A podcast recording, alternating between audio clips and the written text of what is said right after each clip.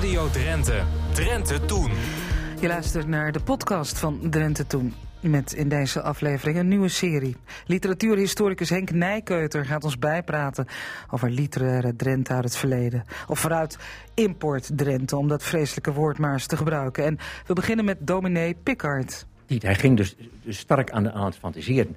ook over die witte wieven bijvoorbeeld. of de grafheuvels eh, die hij dan zag in Drenthe. En dat ging hij fantaseren. Hij heeft ook een tekening, is afbeeld in het boek dat die witte wieven op die graafheuvels, zeg maar, die wonen de witte wieven. Hè? We wandelen door Grollo op zoek naar historische of juist helemaal fout ingerichte boerenerven met Heilien Tonkens, die er verstand van heeft ook van hoe wij vroeger het grindpad proper hielden. Moest ik allemaal netjes en schoon en het werd geharkt op zaterdagmiddag.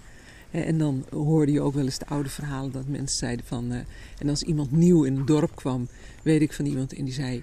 En ineens gingen de buren bij mij harken, want het moest wel op zaterdagmiddag geharkt. Toen zei ze, toen ik dat wist, ben ik dat natuurlijk allemaal zelf gaan doen. Maar dat was wel op zaterdagmiddag harkje. Dan is het netjes op de zondag. En het punt is, als grind beweegt, dan krijg je geen onkruidgroei. Ger Kleijs, dichter, publicist, historicus, buigt zich over hoe er strijd werd gevoerd in vroeger tijden. In de 17e eeuw bijvoorbeeld. Het was wat gemoedelijker. En bovendien, het kruid kon in de winter nat worden, dus dan werd er niet gevochten. Nou, het was een mooi weervechten, zou je kunnen zeggen. Ja, ja, mooi weervechten. En terug naar het oude café in Spiekerboor voor een gesprek met de uitbater van het eeuwenoude keerpunt Willem Dijkema. Ja, de ruimte waarin we zitten, dat is uh, het eerste gebouw. En dat is gebouwd in 1750 door Willem Grevelink en het is gebouwd als café. Het is ook altijd als café met liefheest. Verder Old Nice met merkwaardige krantenberichten. Het archief met oude Rono Radio. Met als thema dit keer alcoholisme. En een jeugdherinnering van Wiebe Kruijer. Dit is Drenthe Toen. Sophie Timmer. Radio In het Stedelijk Museum in Koevoorde is op dit moment een tentoonstelling ingericht met als prachtige titel Wapentuig in het tuighuis. Jazeker, wapens. Daar is een hoop over te vertellen. En daarom zochten wij het historisch geweten van Koevoorde thuis op. U hoort Ger Kleijs. Het is nou een pikenier. Uit, uh, nou ja, deze prent is uh, uh, gepubliceerd in 1607. En wat doet een pikenier? Een pikenier heeft een ontzettend lange piek of lans. En daar moet hij op verschillende manieren mee werken. En ik heb die pieken nu in het museum. En dan denk ik, hoe is het mogelijk om een balans in zo'n lang ding te bewaren? Daar kan hij mee steken. Hij kan hem lekker omhoog houden zodat er een paard in loopt of zo. Maar hij kan ook iemand daarmee die op een paard zit eraf stoten. De pikeniers die traden altijd op in gesloten kolonnes, vaak vierkante blokken. Ja, en zie daar dan maar eens doorheen te komen. Hè? was uh, voetvolk, hè? Ja, het was voetvolk. Je, je, zou in een moderne term zou je infanterie kunnen zeggen. Ja. En um, je, zei net al jaartal, dus dit is 17e eeuw. Dus zo liepen ze in Koevoorde ook rond? Uh, de pikeniers die toen in die periode van de bouw van de vesting, hè, ongeveer tussen 1597 en 1610, hier in Koevoorde waren gehuisvest en later, ja, die zullen er ook zo bij gelopen hebben. Die man uh, die wij zien op de afbeelding uh, die jij hier uh, tevoorschijn hebt getoverd op het computerscherm, die heeft wel meer opvallende zaken. De, ja, zijn, ja, ik wou, nu zouden we zeggen uniform.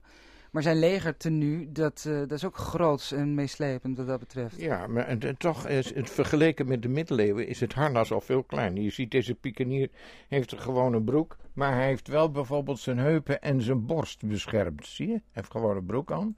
Hij heeft wel een borstkuras en hij draagt een helm. Maar hij mocht natuurlijk niet te zwaar bewapend zijn zoals een ridder in harnas. Dat had ook trouwens weinig zin meer in die tijd, want je moest veel flexibeler zijn. Het interessante aan deze pikenier en ook de bijbehorende plaatjes van uh, Jacques de Gein, de graveur, die in opdracht van prins Maurits dit allemaal gemaakt heeft. Uh, die, uh, die, die waren allemaal veel lichter, laten we zeggen, beveiligd. Omdat die infanterie heel belangrijk werd. En eh, dan had je daarnaast nog de regimenten met de dragonders, hè, zeg maar de huzaren zouden we zeggen. Hoewel die huzaren van tegenwoordig, oh, nou die zijn er geloof ik niet eens meer, want die zaten het laatst op een tank. Die paarden waren al lang afgeschaft. Had weinig zin. Maar die, eh, deze, deze prenten zijn gemaakt om de soldaten in die tijd, en met name de legers van de Nederlanden, te laten oefenen in het gebruik van dit, dit wapentuig. En dat wapentuig hebben we nou een beetje bij elkaar gebracht in de huidige tentoonstelling in het Stedelijk Museum Koevoorde, want daar hebben we een fantastische voorraad van blanke wapens. En dat zijn dus sabels, rapieren, um, pareerdolken, dolken, en, en, noem verder maar op. Maar we hebben, en, en, en, sabels natuurlijk. Maar we hebben ook een schitterende collectie um, schiettuig. Van de oudste eigenlijk af. Wat we in Koevoorde hebben is bijvoorbeeld een haakbus. Dat is de voorloper van het geweer. Dat, haakbussen werden al gemaakt in de 14e eeuw, ik noem maar wat. Maar, eh, eh, en die werden dan opgevolgd, zeg maar, door musketgeweren en arkebussen. En daarin zie je in de tentoonstelling, en dat vind ik zelf zo boeiend, uh, een hele ontwikkeling in, uh, ja, in, in het overhalen, in het gebruik van zo'n wapen had je aanvankelijk moest je dus bijvoorbeeld met een brandende lont, en dat zie je ook in die prenten van de Gein, moet je dan bij een vuurpan houden. Dan zit er een gaatje in de loop. Dan moet het vonkje door naar beneden om bij het kruid eronder te komen waar de kogel is met een laadstok, allemaal in die prenten te zien, ingepropt moet worden. En dan kun je schieten. En dan krijg je als opvolger heb je bijvoorbeeld een, een radslot. En een radslot, dat is een radertje dat aangedreven wordt door een sleuteltje in het geweer, waardoor een vonkje van een stukje periet afspringt in dat kruid. Gaat het ook, maar het zijn allemaal enkele schoten. Nou, je moest dus ja, en dan kost het weer tijd om te laden. Maar wat deed Maurits nou? Die had dan bedacht dat je bijvoorbeeld een eerste rij laat je schieten. Dan treedt die terug. Dan treedt de volgende rij naar voren om te schieten. Dan kan die eerste kan weer laden, want dat is een hele bedoeling. En bovendien, en dat kun je ook wel zien in de tentoonstelling, zijn die lopen heel lang en zwaar. Die kon je niet eens alleen maar vasthouden. Dan had je een soort vork, een fourchette. Die prikte je dan in de grond en daar legde je de loop op. Dus het was een bedoeling. Maar, laten we zeggen, het was wel sportiever dan met drones tegenwoordig. Dit was man tegen man eigenlijk. Maar de vijand kon ook de krant gaan zitten lezen ondertussen, want het duurde maar en het duurde maar. Nou, die schoot dan zelf wel, hè? En er natuurlijk maar vanaf wie het eerste schoot. Ja, en zij wisten natuurlijk niet hoe dat uh, later ging. Nou, nou bekruipt mij wel af en toe het gevoel, het is bijna praktisch onmogelijk als mens om, om, om bepaald uh, wapentuig te bedienen. Nou ja, je, je ligt het al een beetje toe. Het is heel gecompliceerd. Maar die mannen die kregen daar natuurlijk een opleiding in en, en wisten niet beter zoals eerder. En dat was juist heel bijzonder. Nou had je al opleidingsboekjes in de middeleeuwen. Maar in deze tijd, toen de oorlogvoering onder andere door de Oranjes gemoderniseerd werd, was er dus een grote behoefte om die nieuw opgeleide legers Trouwens, Maurits die voerde ook een sterk legertucht in om die goed op te leiden. En daarom gaf hij opdracht aan allerlei mensen om speciale, eh, laten we zeggen, wapens te ontwikkelen en technieken te ontwikkelen hoe je het beste met die wapens kon omgaan. Niet alleen het schieten, maar ook het, uh, het, uh, ja, het, het, het zorgen dat, dat het ding afging zelf. Hè? En hoe je moest richten en weet ik veel wat. En dat geldt voor die pieken, maar dat gold natuurlijk net zo goed voor andere wapens. En die zwaarden en die sabels die ze hadden in die tijd, ja, die waren echt bestemd voor het gevecht van man en tegen man. Vandaar dat sabels die sommige officieren bij gala-gelegenheden nu dragen, ja, puur sier Die worden al lang niet meer gebruikt.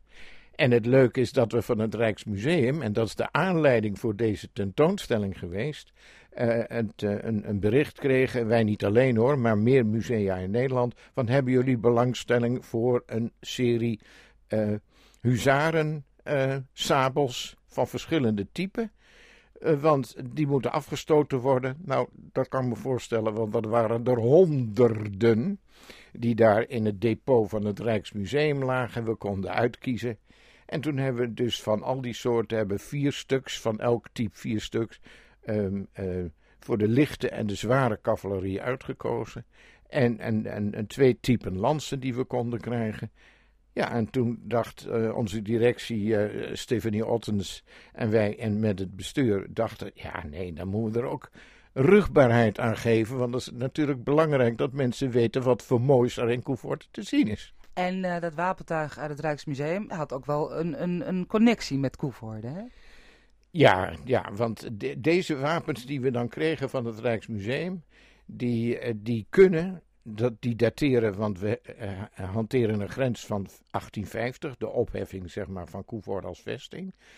die zijn gebruikt tussen 1814 en, laat ik zo even ruwweg zeggen, 1844.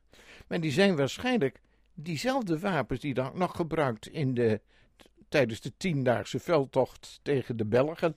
Toen die hè, zich helaas uh, hebben verzet tegen de Nederlanden in het algemeen. Ja. Ja, je, je lacht erbij, maar ik kan me voorstellen, zeker in deze tijd met alle gevoeligheden die er spelen rondom allerlei zaken uit het verleden, dat er mensen zijn die uh, nou, misschien wel moreel bezwaar hebben tegen een, uh, een wapentuig tentoonstelling. Ja, dat zou best kunnen, maar ik zie het uh, gewoon als een, een, een, een, ook meer of meer als een technische tentoonstelling. Hoe je ziet hoe bepaalde uh, ja, systemen zich ontwikkeld hebben. En in de tentoonstelling is uh, bijvoorbeeld zo'n radslot helemaal uit elkaar gehaald. Dan zie je dat in details en denk je, dat konden ze in 1600 konden ze al zulk smeedwerk maken. Zo fijn en zo precies. Dat, dat is voor een technisch iemand is dat al een, een bijzonderheid om te zien. Het zegt natuurlijk ook iets over de, de belangstelling van, van de Europese hoven, van regeringsleiders, om dat woord maar even te gebruiken, of, of, leiders van het land, eh, in de ontwikkeling van zo'n leger. Daar, daar waren alle ogen en geldpotten op gefocust natuurlijk, dat dat doorging. En zoals jij het beschrijft, lijkt me die Maurits ook wel iemand die erg geïnteresseerd was in, uh, in defensie. Dat was hij zeker, maar niet alleen in defensie. Ook in offensief was, ook offensief was hij zeer uh, uh, ontwikkeld, want hij bestudeerde namelijk de krijgstechnieken van de Grieken en de Romeinen. Dat turfschip van Breda, dat heeft hij vast ontleend aan het paard van Troje. Hoe kom je binnen zonder op te vallen? En uh, hij heeft dan natuurlijk niet voor niets zoveel successen uh, behaald met de strijd in de 80-jarige oorlog tegen Spanje. Door allerlei steden. Nou, wat denk je van het noorden? Wat denk je van Steenwerk? Wat denk je van Koevoorde? Maar ook in de rest van heel Nederland heeft hij in wezen toch een beetje de grenzen bepaald van uh, het huidige Nederland. Behalve dan dat die Belgen er weer eens af moesten. Ja. Nou heb ik begrepen dat uh, in, in is veel gebouwd, veel afgebroken, veel gebouwd. Dat als er ergens gegraven werd, heb ik gehoord hoor, was Ger Kleister als de kippen bij om te kijken of er nog wat gevonden werd. Ja, nou ja, als, als jongen, ik ben geboren in een kazerne. Uh, en daar woonden mijn ouders en mijn grootouders en mijn overgrootouders nog in, die, in datzelfde molenblok. Was ik natuurlijk zeer geïnteresseerd in geschiedenis al. En ik had ook al mijn eigen museum, al had ik daar meer andere zaken in liggen. Dus als eieren, eh, wat had ik, voorouderbeeldjes, casuaris en bananenrokjes. Maar ook schelpen en, en, en, oude kostuums. Ja, nou toen ik de deur uitging heeft mijn moeder de meerderheid helaas opgeruimd. Maar ik was er wel heel vaak bij. Als er werd gegraven, dan was ik natuurlijk ontzettend nieuwsgierig. En als dan zo'n um, graafplaats zeg maar verlaten werd en ik woonde in de buurt, dan ging ik toch wel even kijken. En toen heb ik, ja, hoe oud was ik? Uh, 14, 15 jaar, heb ik een, een gevonden. En uh, ook met zo'n kromming. En toen uh, werd mij dat afgepakt. Ja, uiteindelijk heb ik het teruggevonden in 2012 in het depot van het Drents Museum. Je herkende het. Hoe komen jullie eraan? Je ja, herkende het terug. Het. Natuurlijk, dat was in mijn geheugen gegrift, zeg. In mijn visueel geheugen. En, en, maar zij vond het wel leuk om te weten waar ik het gevonden had. En hoe diep het zat, enzovoort, enzovoort. En dat klopte heel mooi. Het was een heel vroeg 17e eeuws dragonderzwaard. Het was tegenover waar vroeger uh, in de 17e eeuw uh, de kazerne van de huzaren van de dragonders had gestaan. Ligt er nog veel uh, onder Koevoorde, denk je? Ik denk dat er nog heel veel ligt. Maar er is natuurlijk ook alweer heel veel gevonden bij de bouw van het nieuwe gemeentehuis. En daarvan hebben we een deel, kunnen we ook in de vaste opstelling van ons museum ook laten zien. En ja, um, de rest zit nog eh, in collecties die, laten we zeggen, geconserveerd eh, moeten worden. Die hebben we niet. En dan ja, is het natuurlijk wel een probleem dat de voorgaande burgemeesters alles wat in Koevoorde toen gevonden is, allemaal naar Assen brachten. Terwijl men in Assen niet eens weet wat er allemaal is van Koevoorde. En dan heb ik het specifiek over één stuk hoor. Van over het algemeen weten ze het wel. Eh, namelijk, er zit in het zijmuurtje van het museum en het, Drents Archief zit een prachtige leeuwenkop ingemetseld. En ik ben nog steeds woedend dat ze niet wisten waar dat vandaan kwam. Terwijl ik kan bewijzen uit de nieuwe Drentse Volksalmanak met de aanwinsten voor het Drents Museum. Dat, van, dat dat afkomstig is uit de Bentheimerpoort van Koevoorde. Nou, het eerste wat eh, laten we zeggen, het museum toch plechtig zou moeten doen. En onder veel dank zal dat hier aanvaard worden. Die leeuwenkop uit de Bentheimerpoort van Koevoorde. Je lijkt wel een of ander oud wingewest of een, uh, een, een, land in Afrika dat leeggeplunderd is in uh, de 19e eeuw. Nou, daar, daar, daar waren de, de Koevoordenaren dan zelf schuld aan. Ze hadden natuurlijk in eerste instantie weinig belangstelling. Maar uh, kijk, er was geen museum, maar die burgemeester, ja... Nou, en, laten we zeggen dat het wettig zo geregeld is dat Assen de eerste keus heeft. En daar zijn we niet altijd gelukkig mee. Nee, um, ik ga toch maar even weer terug naar het centrale thema. Wapentuig uh, in het tuighuis, zoals de tentoonstelling bij jullie heet. Heb je nog een, heb je nog een uh, afbeelding voor ons waar je wat over kunt vertellen? Van de prenten van uh, J. de Gein bijvoorbeeld. Ja, Jacques de Gein. Jacques de Gein, die dat dus ook ter instructie heeft ja. getekend hè, voor ja, de mannen en, in het leger. Zeg maar, van, min of meer een opdracht van, van Maurits. Ik zal je toch nog even een, een mooie uh, musket laten zien. Ook weer een jukkel van een. Uh, een jukkel van een.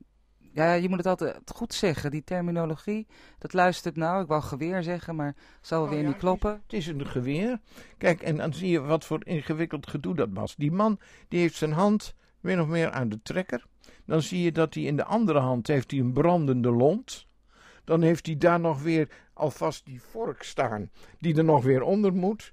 Dan moet hij die lont houden bij de kruidpan en dan moet hij ook nog aftrekken. Hij is wel voor man tegen man gevechten, is hij, heeft hij wel, is hij wel voorzien van een rapier. En, en, in de middeleeuwen had je groot, de grote zwaarden. Dan had je de, de halve hands en een, een dubbelhans. Hè. Dan moet je met twee handen vasthouden. Maar in deze tijd zijn die zwaarden al veel minder zwaar. En ja, je moest zoveel meeschouwen.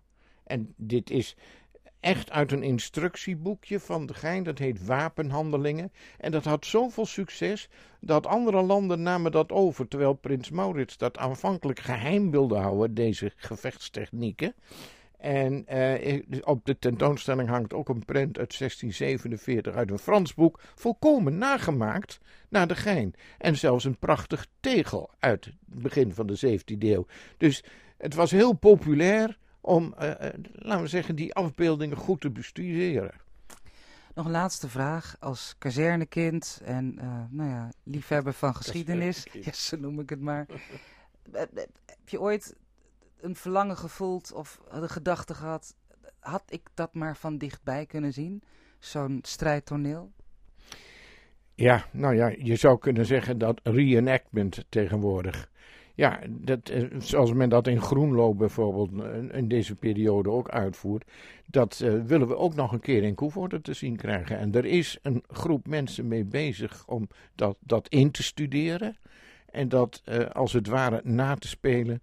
Want om dat dan op dat moment bij te zijn, ik weet niet of dat allemaal even lekker was, maar wel om, om er van een korte hè, afstand naar te kijken. Ja, dus zonder bloed en zonder, uh, ja. zonder het echte, maar, maar gewoon om na te spelen. Ja, gewoon om na te spelen. En dan, maar wat ik net al zei, ik ben zeer getroffen door de technieken van die ontwikkeling. Want pas in de 19e eeuw krijg je dan, laten we zeggen, een, een, een pistool of een geweer, een percussie heet het dan, met een slaghoedje, zoals tegenwoordig. Dus men heeft heel lang met die oude vuursteen, met die oude radsloten, de vuursteensloten. En dan moet je nagaan, dat was altijd maar één schot, hè? een single shot. Dus het was wat gemoedelijker. En bovendien, het kruid kon in de winter nat worden, dus dan werd er niet gevochten. Nou, het was mooi weervechten, zou je kunnen zeggen. Ja, mooi weer vechten. Kent u die uitdrukking? U hoorde Ger Kluis, kenner van de geschiedenis van Koevoorde... en ook verbonden aan het Stedelijk Museum Koevoorde... waar die tentoonstelling Wapentuig in het Tuighuis nog te zien is... tot en met 29 maart van het volgend jaar. Oud Oosterhuis, daar heb je geen kind aan. Je zet hem lekker in een hoekje met een hele stapel oude kranten. Old Nijs. Enkel kooi artikelen in de kraan tegen die meer vragen oproept dan antwoorden geeft. Een mooi voorbeeld daarvan ligt voor mij een artikel in de provinciale Drijnse en Azerkrant van 26 november 1946. Er staat boven 100.000 gulden voor een lach. Het gaat om een man die in zijn eendie in een boerderij in Ide woonde. Een man die met geniene te maken wil hebben. Hij was, zo weer in de buurt verteld, riek, maar ook barre, barre gierig. Hij was gedurig met advocaten in de weer. Hij deed alle mogelijke muiten om meer pacht van zijn pachterslust te krijgen. En het verhaal ging dat hij twintig jaar lang in dezelfde kleren rondloopt. In zijn boerderij was zo'n bende dat je er beter niet dan wel kunt wezen, zo stond in de krant. En zijn gezicht was door lupus afschuwelijk verminkt. Hij was een zundeling, maar wel een zundeling die heel erg goed bij zijn verstaan was, zo lezen wij in de krant. Maar op een tragische manier hebben zijn leven verloren. Hij moest voor de behandeling naar het ziekenhuis. Maar misschien hebben dat niet aanduurd, want zo stiet in de krant, jongstleden maandag heeft hij door ophanging zelfmoord gepleegd. Hij was 46 jaar. Maar bij het openen van zijn testament bleek dat hij al zijn bezittings, landerijen, huizen, papieren en geld, een totaalbedrag van zo'n 100.000 gulden, vermaakt haar aan een wiggie dat één keer tegen hem lacht heeft.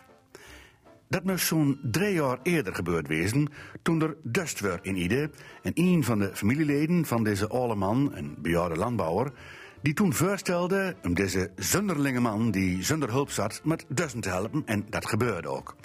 En het wiggie, die jonge vrouw, die er met haar papa toevallig bij stond, heeft blijkbaar om dit voorval tegen die man lachen. En die man heeft dit, terecht of onterecht, als een bewijs van vriendelijke gezindheid opvat, zo staat hier. En heeft meerdere keren gezegd dat hij die lach niet meer zal vergeten. Nou ja, hij heeft woordhouden. Het testament heeft het bewezen. Voor de familie bleef er helemaal niks over. Het weer een bijzondere begrafenis. Vrijdag, zo stiet hier in de kraan te lezen, is de man begraven. Daarvoor hebben de ouders en de eveneens in Ide wonende schoonouders van het meisje, dat inmiddels getrouwd is en in Bedem woont, gezorgd. Familieleden en omwonenden waren door hen bij de begrafenis uitgenodigd, maar niemand gaf aan deze uitnodiging gehoor. Achter de lijkwagen volgde een chaise waarin de ouders en de schoonouders van het meisje gezeten waren. Door de regen ging de korte stoet naar het kerkhof te Vries. De torenklok luidde, maar dat was dan ook alles. Er was geen predikant, niemand van de aanwezigen vroeg het woord. In vijf minuten was de plechtigheid geëindigd. Zelfs de erfgename was niet komen opdagen. Tja, soms zullen die wilden dat een verhaal een vervolg heeft, maar meer vertelt de kraan niet. Het is relatief nog niet zo lang geleden, dus als er nog iemand is die weet wie deze man was en wat er later met dat boerderijgie gebeurd is, wij horen het graag.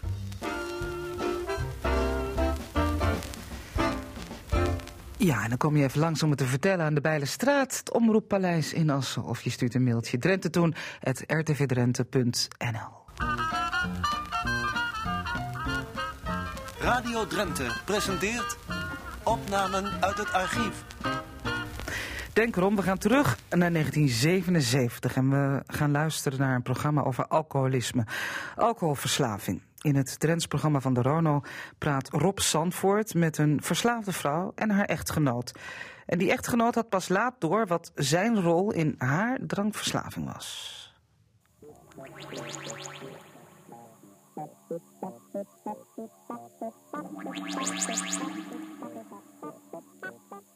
Op het ogenblik verslaving.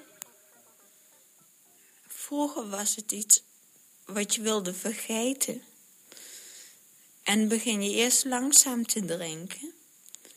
En heb je het nog niet in de gaten dat je verslaafd bent. En het duurt jaren eigenlijk. Hoe- Hoeveel jaar drinkt u nu? Dat is heel moeilijk te zeggen. Want eh, eerst probeer je iets te vergeten. En dan langzamerhand wordt het steeds meer. Maar zelfs wanneer je verslaafd bent, wil je het nog niet toegeven. Wanneer had u nou in de gaten dat u eh, te veel aan het drinken was?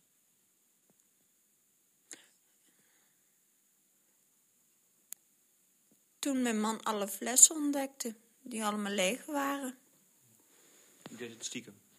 Ja, ik deed het erg stiekem. Ik wilde het voor niemand weten. Hoe ging dat dan? U ging 's ochtends gelijk aan de fles? Nou, nee, eerst niet iedere ochtend. Maar dat is gewoon geleidelijk aangekomen. En u had het niet in de gaten dat uw vrouw eh, behoorlijk wat dronk? Nee, ik merkte het pas toen ik lege flessen vond. 20, 30 lege flessen. In de vuilniszakken lege flessen. Overal lege flessen. Nou, toen merkte ik het pas. Wat dacht u toen? Nou, dat er geen werk aan was. Als je, als je gulden verdient, heeft ze al voor twee gulden verdronken. Minder, minder niet zo leuk natuurlijk. Er ontstond eh, waarschijnlijk een conflict situatie. Nou, ik was er erg kwaad over, ja. Ik heb er wel eh, ruzie om gemaakt toen in het begin. En ik had er ook geen begrip voor. Ik kon niet begrijpen dat iemand eh, drank ging, ging gebruiken. Was voor mij geen excuus mogelijk. Wat was volgens u de oorzaak dat uw vrouw aan de drank ging?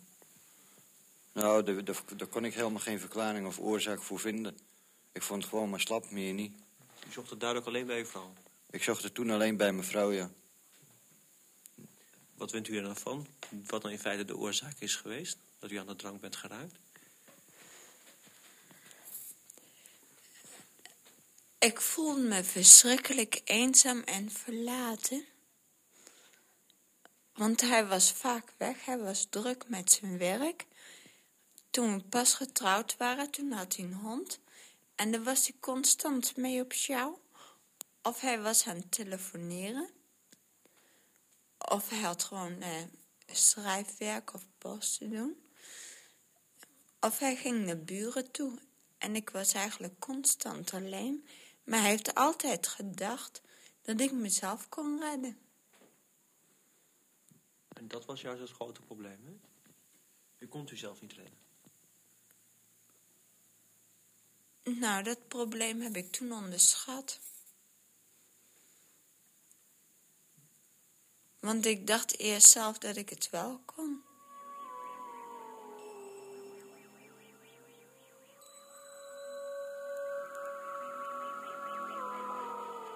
Dit was een eh, goed jaar geleden dat u dit gezegd heeft. U zegt, eh, ik kom er bovenop. Hoe is het op dit moment? Nou, ik mag wel zeggen dat ik er nou wel bovenop ben.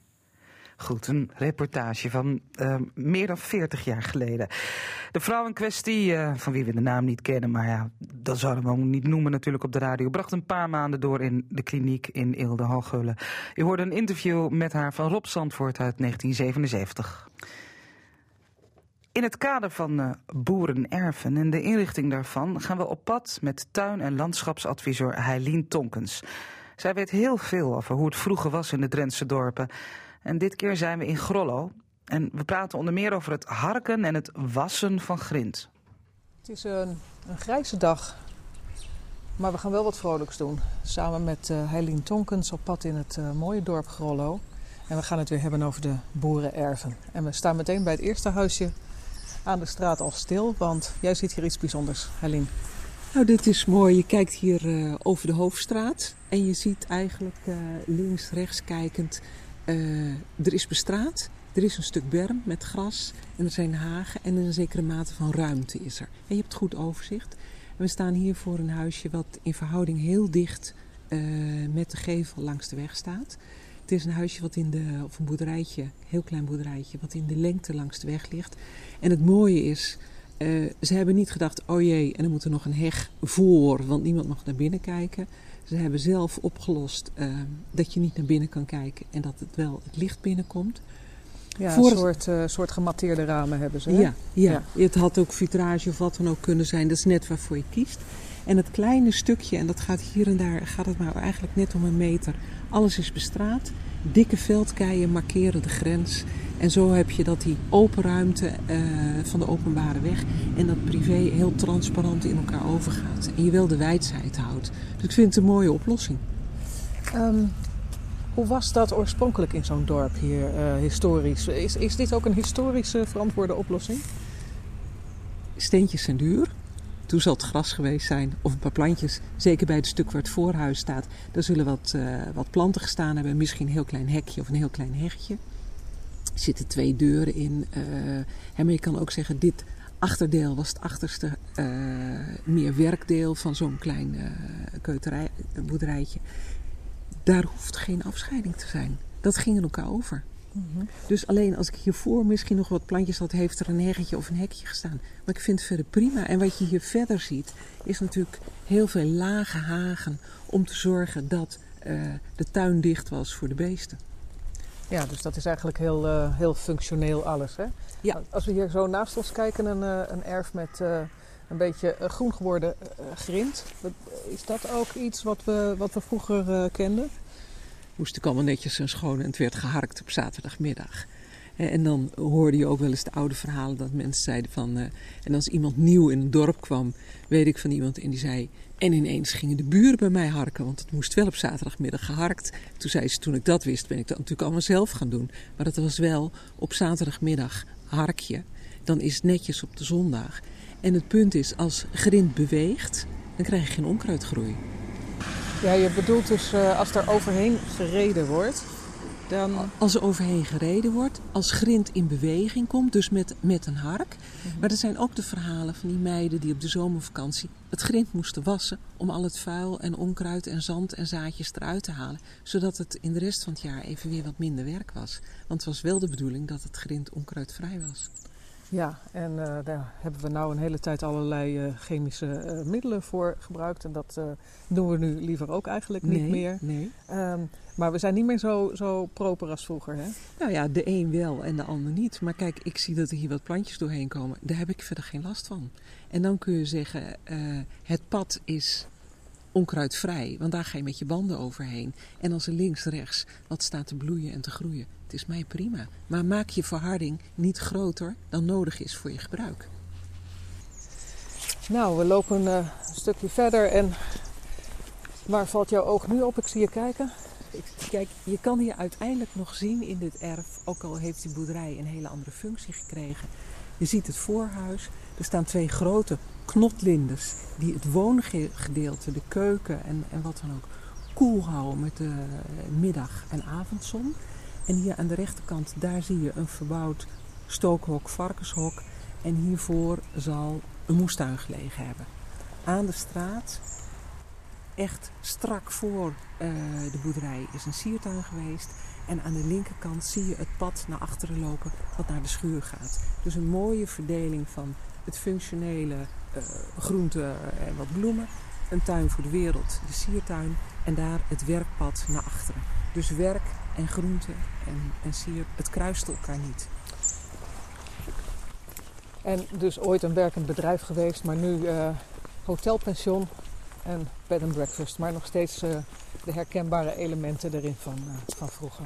Zeker, zeker. En je ziet dan dus ook, ze zullen het hartstikke druk hebben. Het voorterrein, er staan wat hortensia's. Die hortensia's die van ouds bij die boerderij horen. Het is een groot open grasveld. Maar op deze manier proberen ze dat aan te aan te kleden. Er is hier een nieuwe boom gezet. Dus als die boom zich uh, volgroeit, dan heb je twee mooie karakteristieke uh, forse knotlinders. Je krijgt hier een mooie solitaire boom, wat hortensia's, daarachter een privégedeelte. En je kan zeggen, prima, het is aangekleed. Kan altijd meer, maar er is wel het nodige gedaan. En de aankleding van zijn boerderij uh, ziet er dan goed uit. Ja, nou, ik hoop dat uw grindpad aangeharkt is. Ach, moet u ook helemaal zelf weten. Daar gaan zij. Heilien Tonkens en Lydia Tuinman op naar volgende week. En dan wandelen we nog steeds een, een stuk door Grollo. Café Het Keerpunt in Spijkerboor. En de naam Keerpunt slaat op de zwaaikom naast het café... waar vroeger schippers hun boten konden keren. En dat vroeger, dat is al in 1750 toen het gebouwd werd... een opdracht van verlaatmeester Willem Grevelenk. Bijzonder detail is dat in het café nog steeds een ijzeren ring in de muur zit, waaraan in 1780 de moordenaar Anton Link zou zijn vastgeketen. Link was door de plaatselijke bevolking gevangen genomen nadat hij dominee Johannes Ledeboer had vermoord. Ja, en dat is een verhaal dat Dijkema ons zometeen vertelt. Willem Dijkema, de uitbater van vandaag. Dat verhaal vertelt hij wel voor de zoveelste keer. Nou, wij zitten 20 jaar op café. Ons café is, eh, is al een paar jaar ouder, maar wij, zitten niet, niet 20 jaar op. En ik had besloten om in het kader van uh, ons jubileum uh, mensen te gaan vragen om een nummer te schrijven speciaal over ons café. En ik heb uh, elf mensen heb ik, gek gekregen om een nummer te schrijven over het café. Waaronder een stuk wat Amerikaan, een Ier, een Canadees en jongens van hier. En ik heb zelf een nummer gedaan. Ik heb zelf vroeger gespeeld in het fameuze bandje Kut Bestek. Ach, dat ken ik wel, wat leuk. maar even terug naar die muzikant hè, die je zo gek gekregen hebt. Volgens mij valt het wel mee, want zo'n oud café spreekt tot de verbeelding. Ja, wat, wat ik altijd heel mooi vind, wij doen heel veel blues en heel veel aan, aan, aan Amerikanen. We hebben dus ook heel veel Amerikanen. En die Amerikanen die stappen hier binnen en dan vertel ik het verhaal van het café. En dit café is dus in feite ouder dan hun land is. Dus zij vinden dat fantastisch. Ze vinden het echt uh, ja, fascinerend. En, nou ja, als je dan die mensen een beetje, een beetje, een beetje goed ontvangt en je bent een beetje aardig met elkaar. Ja, dan willen ze veel voor je doen. Er staat ook een nummer op met uh, het Alle Café. Maar laten we daar eens over hebben, want... want uh, je, je moffelde dat net een beetje weg. Maar het café is al bijna 300 jaar oud. Ja, de ruimte waarin we zitten, dat is uh, het eerste gebouw. En dat is gebouwd in 1750 door Willem Grevelink. En het is gebouwd als café. Het is ook altijd als café in het liefheest. En zo'n 80 jaar later was een familie Beck-eigenaar. En uh, die hadden binnen de familie hadden ze ruzie over een erfenis. En in die erfenis zat een havenzaten. Die stond in Anlo. Uiteindelijk is die afgebroken. Een van die stenen is als bovenhuis gebouwd en het tweede deel van het vuurhuis. En nog later is de boerderij er gezet. Dus het is in meerdere etappes gebouwd, maar dit, hier waar we nu zitten, is het originele café van 1750. Waarom bouwde Willem Grevelink hier een café? Willem Grevelink die was verlaatmeester aan de Hunze. En er zat een sluisje in en die schonk daar al een, een borrel aan de wachter schippers. En verlaatmeester, dat betekent dat hij daar de scepter zwaaide? Ja, ja, hij was sluiswachter. En... Uh, uh, hij, hij schonk dus daar al een borrel aan de wachter schippers. Toen werd hier een kanaal graven, in de Muldenwijk. En het eindigde hier naast het café in Zwijkom. En toen dachten daar is de handel in. En toen hebben we hier het, café ook, het, het echte café gebouwd. Toen het klaar was, hebben we het verpacht. En hij heeft nooit zelf op café zitten. Hij is zelf weer zitten aan de Hunze. Wat is dat toch met sluiswachters en, en, en, en uh, mensen die voorbij komen en borrels? Want op de een of andere manier hoort dat erbij, hè? Al, die schepen moeten wachten. Dus het is bij, bij heel veel sluizen, ook vroeger... Uh, uh, uh, uh, in het veegebied. En daar zag je bij, bij je sluis een café met heel vaak een winkeltje. Maar dan konden, ze, de, dan konden mensen naar je winkel doen en dan konden ze een borrels kopen. Ja, je ziet het overal in Drenthe, ook ja. bij de aanleg, de Smildevaart. Ja, overal zie je, dat, zie je dat gebeuren, ja. ja. 1750, dat is 18e eeuw. Hoe, zag het er hier uit? Toen woonden er niet veel mensen hier, toch? Nee, toen was het nog minder dan nu. Wat wel grappig is, toen dit café werd gebouwd, toen was hij wel al, want er was, was hier heel veel bedrijvigheid. Want hier was een plek waar je door de Hunze kon. Dan was hier een scheepswerfje, waar ze Hunze bouwden. Dan was hier een hele kleine bierbrouwerij. Dus er was hier heel veel levendigheid. Maar ja, het was, het was natuurlijk eigenlijk puur een agrarisch gebied. Boeren, verder niks. En al die bijna 300 jaar, hè, 250, 270, bijna 300 jaar maak ik er voor het gemak van. Heeft hier ook horeca gezeten? Ja. Vanaf dag 1 dat dit, dit, dit, dit ding is geopend, was dit een café, was dit horeca. Dus dat is wel heel bijzonder. Voel jij dat ook zo als, als huidig kastelein? Nou, wat, kijk, ik ben hier geboren in het dorp.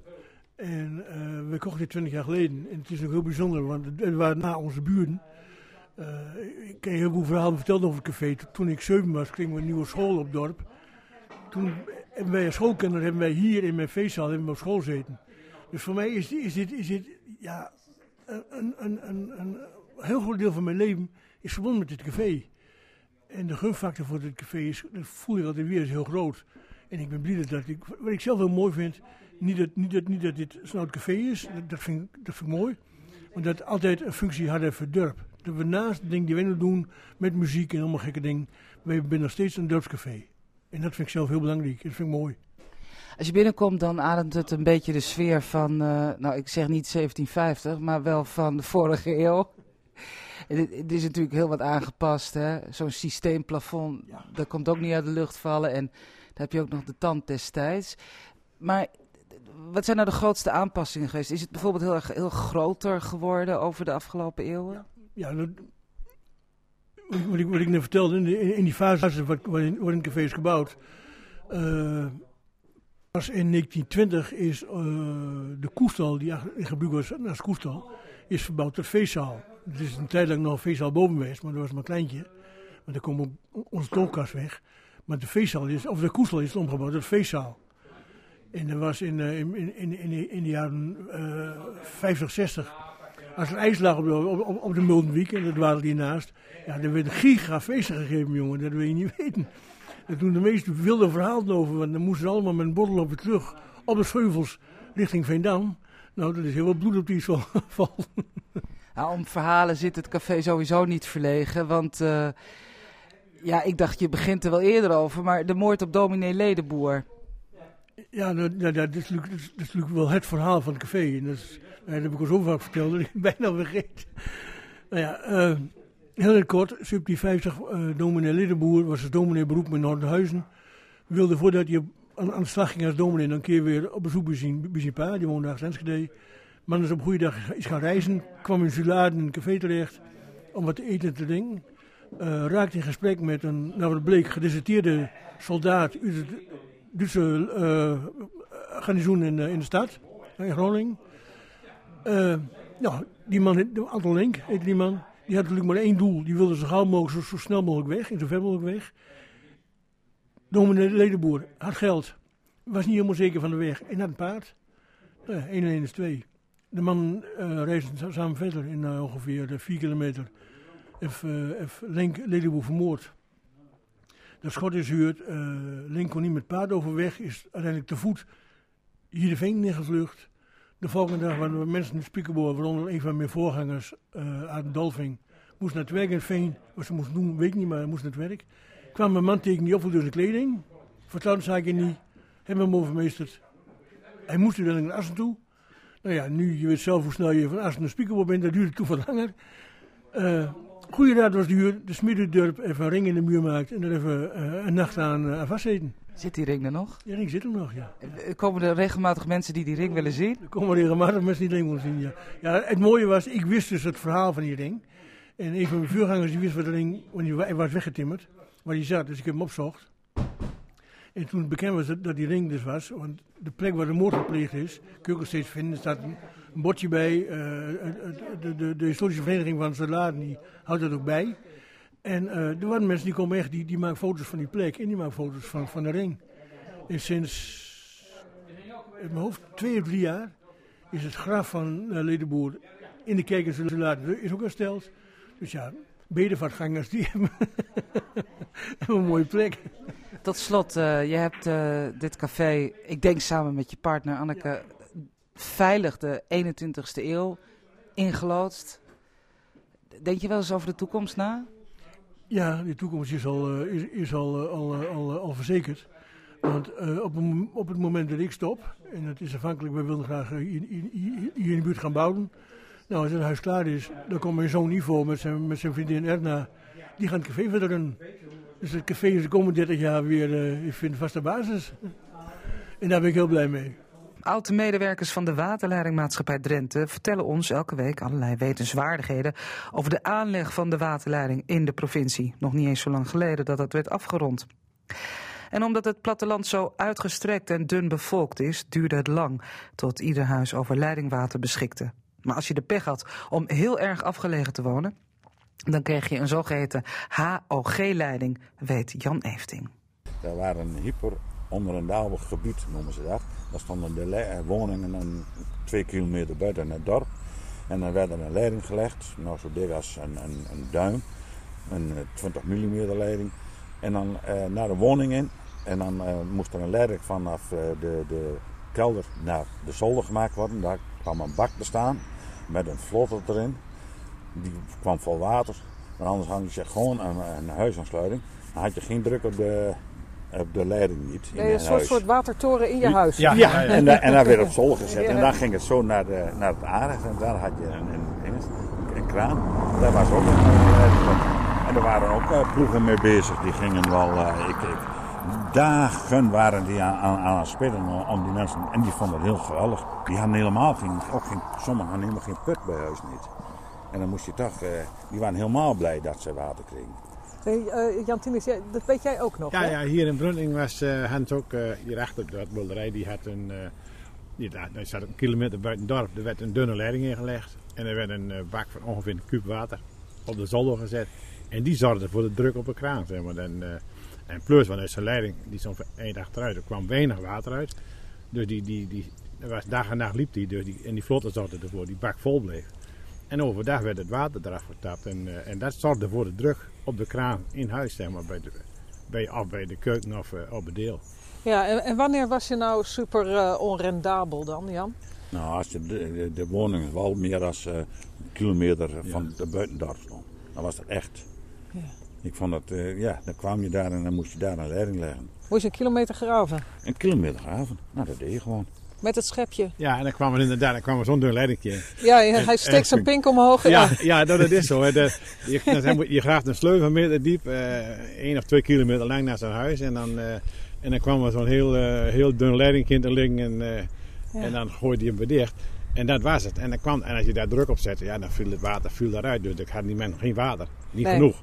Niet om druk op iets op de kraan te hebben. Dus dan werd het ja, dat die, omhoog die bak, En ja. dat logisch, er werd een, een, bak op het zolder geplaatst. En die zorgde dat er toch een beetje redelijke druk op de kraan was. En dat, nou, ik denk dat er, nou, er kon amper een gijzer op draaien, zeg maar. Maar goed, ze hadden toch een beetje druk op, op het waterleiding. Dus, uh, ja. en, en, zo, en dat met al, met al die huizen werd zo gedaan.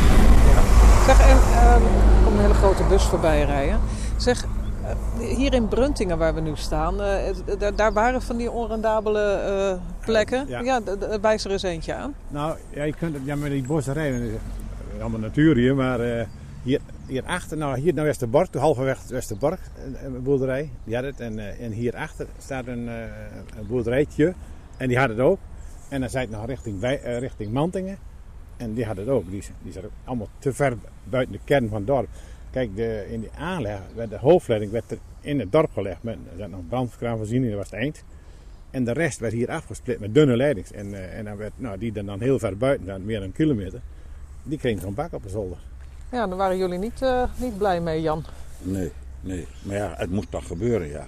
ja. Kijk, en, en die leiding die we er toen ingemaakt hebben, die heb ik later weer vervangen. Ja. Ik wou zeggen, want dat kon niet zo blijven. Nee, dat, die hebben we later weer. Toen heeft de WMD heeft een, een, een kleine trekker aangeschaft met een kettingvrees erachter. En dan gingen we de leidings weer uh, vervangen voor een dikkere.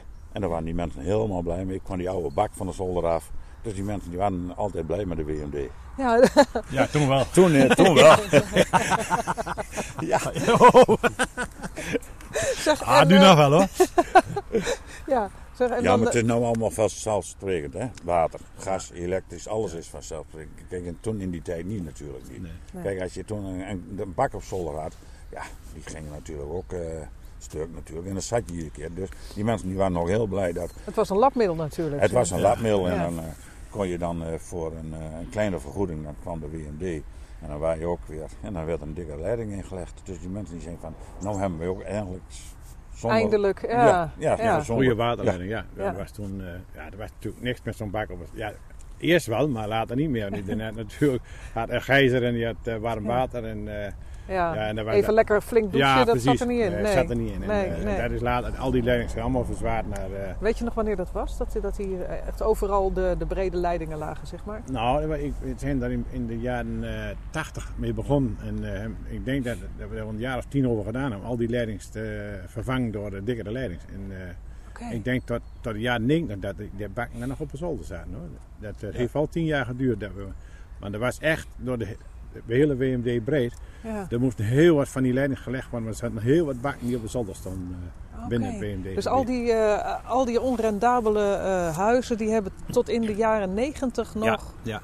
fatsoenlijk aansluiting. Ja. Ik zeg ook wel eens tegen mijn vrouw, ik zeg, kun je nagaan, ik zeg dat ik hier nog op de, gewoon een schopje aan de fiets had staan, hier zo als qua jongen, dat ik hier dan uh, moest helpen met uh, een sleufje spitten, waterleiding erin leggen. Ik zeg, nou, ja. Ja.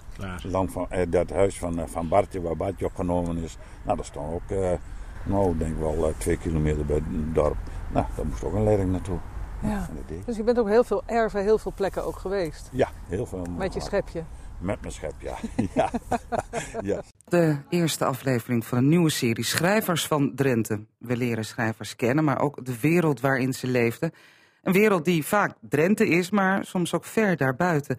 Ja, met wie kun je dat nou beter doen dan met Henk Nijkeuter... die al zijn hele leven schrijft en publiceert over de Drentse schrieverij. Want Henk doet het in het Drents. En we beginnen met Johan Pickard. Uh, Henk, ik mag uh, tutoyeren. Uh, Pickard, dominee, historicus, medicus was die geloof ik ook nog. Geboren op 5 februari 1600 in Bad Bentheim. Ja. Wie was die man? Ja, nou zoals je al zegt, een heel uh, veelzijdig uh, man. wij kent hem natuurlijk vooral als schrijver van een heel belangrijk ja, geschiedeniswerk. Met een enorme lange titel.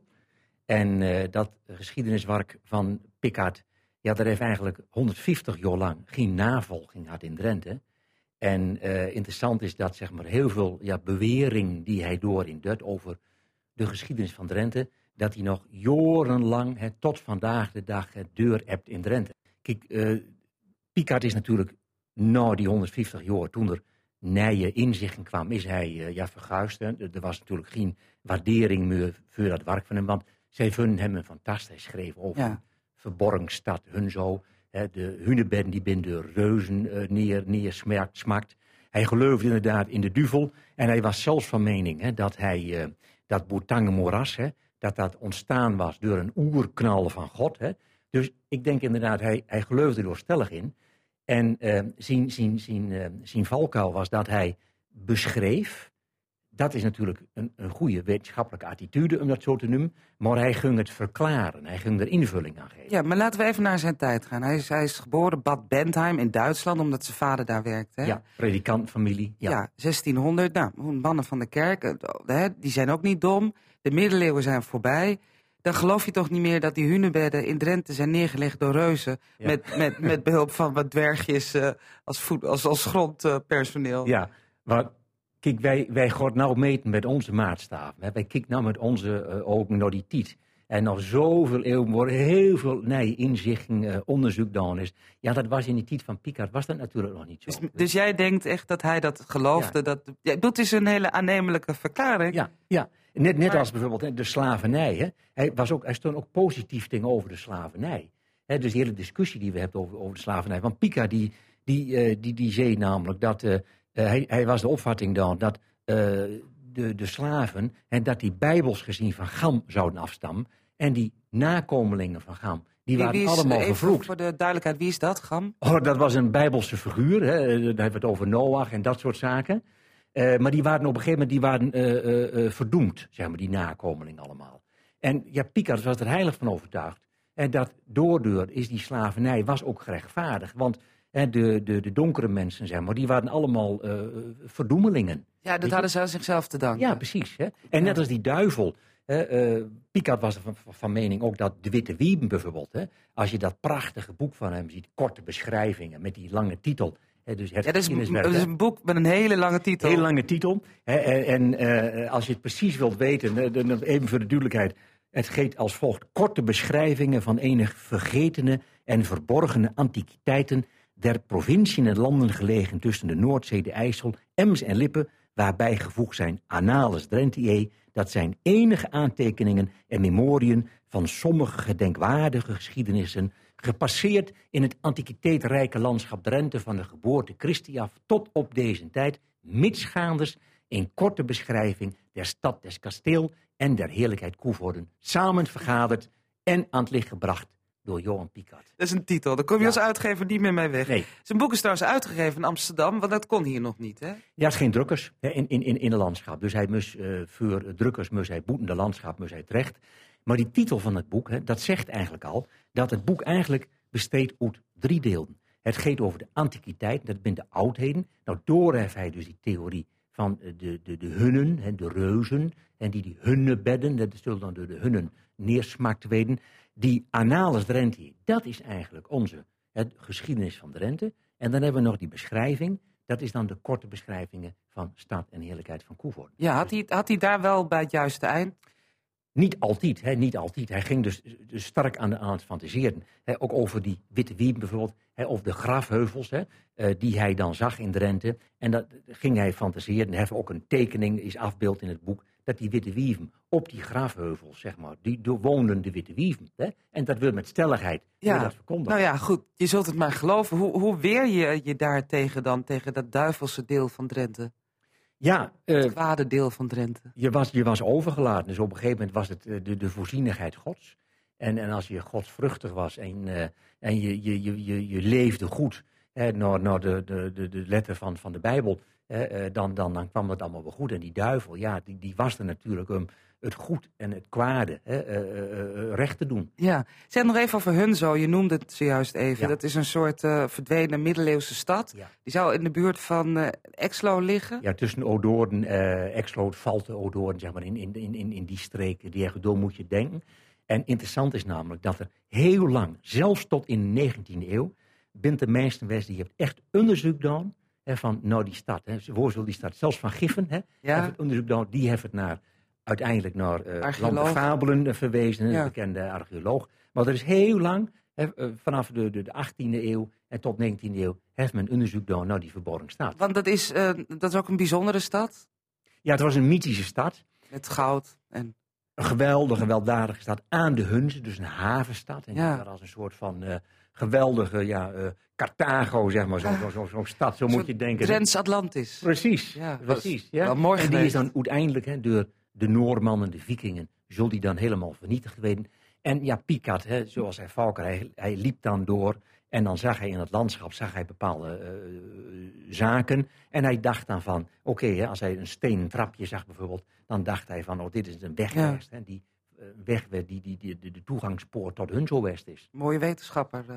Ja. Maar goed, we doen nu wel een beetje laatdunkend over Ja. hem. Maar we, zeiden al wat hij allemaal was. Dat- hoe, hij is 70 geworden. Hij moet wel heel rijk geweest zijn om, om zich te bekwamen in al die wetenschappen. Nou, hij heeft, hij heeft een rieke vrouw trouwd. Wij, eh, dus dat is zijn geluk geweest. Door hem heeft hij ook, het was ook een man die ook aan ontginning deed. Hè? Hij heeft bijvoorbeeld ook eh, heel sterk eh, heel veel on- ontgonnen. Bijvoorbeeld Picardie, Alte Picardie in Bentheim. En dat is een gebied waar hij zeg maar ontginningen gedaan heeft. En door geloofde hij ook heel sterk in hem landbouwgrond zeg maar, te ontginnen. Waarschijnlijk is hij door hem ook dokter, hè, medicus worden. Niet een praktiserende dokter, hè, zoals jij en ik een huisarts ons voorstelt. Nee, maar meer iemand die eh, eh, eh, inter- interesse had in de plantenkunde. En waarschijnlijk is het zo dat die, ja, die botanische interesse, die kwam hem weer Ja. van part in, in, in dat ontginnen, zeg maar, in die landbouw. Maar hij was dus ook groot grondbezitter. Op een gegeven moment ja, eh, hij- had hij inderdaad eh, woeste gebieden. hè, die, die he- is hij ontgonnen. Hij Drenthe? ontgonnen, Of- zeg maar. of in, Eh, ook, hij is begonnen ook met stukjes in Drenthe. Maar met name is het bekend worden in een, in een stuk zeg maar, in Bentheim, die Alte Picardie, zeg maar. Ja, ja. Ja. Hij is 70 geworden, Ja. Pickard. Ehm, ja, hoe stel je je hem voor? Want we weten eigenlijk heel weinig verder Ja. over zijn persoonlijk leven. Hè? Ja, ja dat is, om een voorbeeld te geven, hè, er is maar eigenlijk nog, niet, eh, nog niet zo lang geleden heeft Michel Gedding een biografie over Picard geschreven. Dat is eigenlijk de eerste eh, eh, uitvoerige biografie waarin ook ingegaan wordt op het leven en werk van, van, van, van Picard. En eh Gedding die, die, die, die zegt, komt ook tot de conclusie dat het eigenlijk over de persoon, wat was het nou voor een persoon? Wat was het voor een vader, hè, voor, voor, zijn kinderen? Wat was het voor een echtgenoot? Ja, daar weten we eigenlijk heel weinig van. Nee. Omdat dat eigenlijk in die geschriften van hem komt dat niet naar voren. Dat, dat blijft gewoon gissen. Hij zou zich wel thuis voelen in het huidige Drenthe met al die eh openluchtvoorstellingen, denk ik. Nou ja, vooral die, die, die, die, die, dat, dat volksgeloof, zeg maar, die, die prachtige zagen die hij eigenlijk introduceerd heeft hè, over de witte wieben, eh, over, over de reuzen eh, op, op die grafheuvels. Ja, dat is natuurlijk op, eh, steeds weer, dat blijft eh Ja. voer voor, voor romans en voor, voor toneelstukken. Ja. We moeten afronden, Henk, maar we, we hebben eigenlijk nog helemaal niet over die witte wiem gehad. Wat, dat, dat, wat dat nou eigenlijk waren. Ja, oké. Ja. Want Wat waren dat? Witte Wieben, dat waren eigenlijk zeg maar, ja, een soort van Germaanse priesteressen, zieneressen. Hè, en eh Picard die vult dan weer terug op de Scandinavische eh, mythologie. En de vulva's, dat waren zieneressen. Dus die kunnen, die kunnen voorspelden, een soort shamanen, zeg maar. Ja. Dat waren nou vrouwen. En, die, en dat, dat zag hij dus, die, die leefden door. En vrouwen die, die paranormaal begaafd van, zullen we nou zeggen. Ja, ja. En die leefden dan en woonden in en op die grafheuvels. Dankjewel voor nu. Het programma zit er bijna op, maar niet voordat wij de bijdrage hebben gehoord van onze krasse tachtiger Wiebe Kruijer. Zoals elke week voorgelezen door Robert Oosting.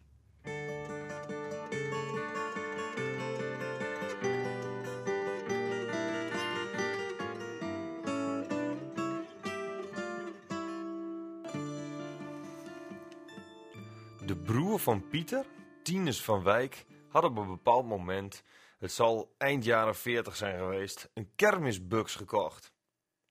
Schieten is voor kinderen altijd een spannende bezigheid. Pieter mocht het wapen wel eens lenen en samen gingen we dan op jacht. In de Appelhof van Geert Benzink kwamen we een egel tegen. Dit beestje had de pech van zijn leven dat hij juist op dat moment zijn veilige nest had verlaten en twee jagers tegen het lijf liep. Het was geen kunst het diertje te raken en het gaf door zich op te rollen duidelijk aan dat het was geraakt. We hebben even gewacht tot hij zich weer ging ontrollen en zouden hem dan van dichtbij een genadeschot geven. Het was echter een waardeloze buks, want het wapen was absoluut niet dodelijk. Om de egel uit zijn lijden te verlossen, hebben we hem uiteindelijk maar met een klomp doodgeslagen. Het was, maar het idee hadden we direct al, geen leuk avontuur. Terugdenkend aan dit voorval besef ik dat we eigenlijk helemaal niet van plan waren de egel te vermoorden. Je hebt echter een wapen in de hand en daardoor krijg je ook het gevoel dat je daar iets mee moet doen.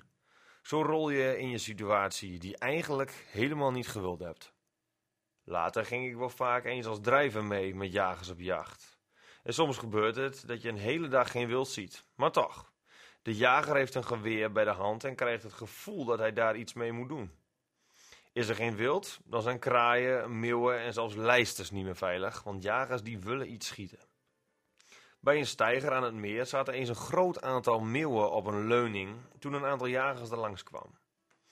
Ze kwamen op het idee om te kijken hoeveel meeuwen ze in één schot konden afschieten. Een soort notenschieten op meeuwen. Het aantal slachtoffers weet ik niet meer.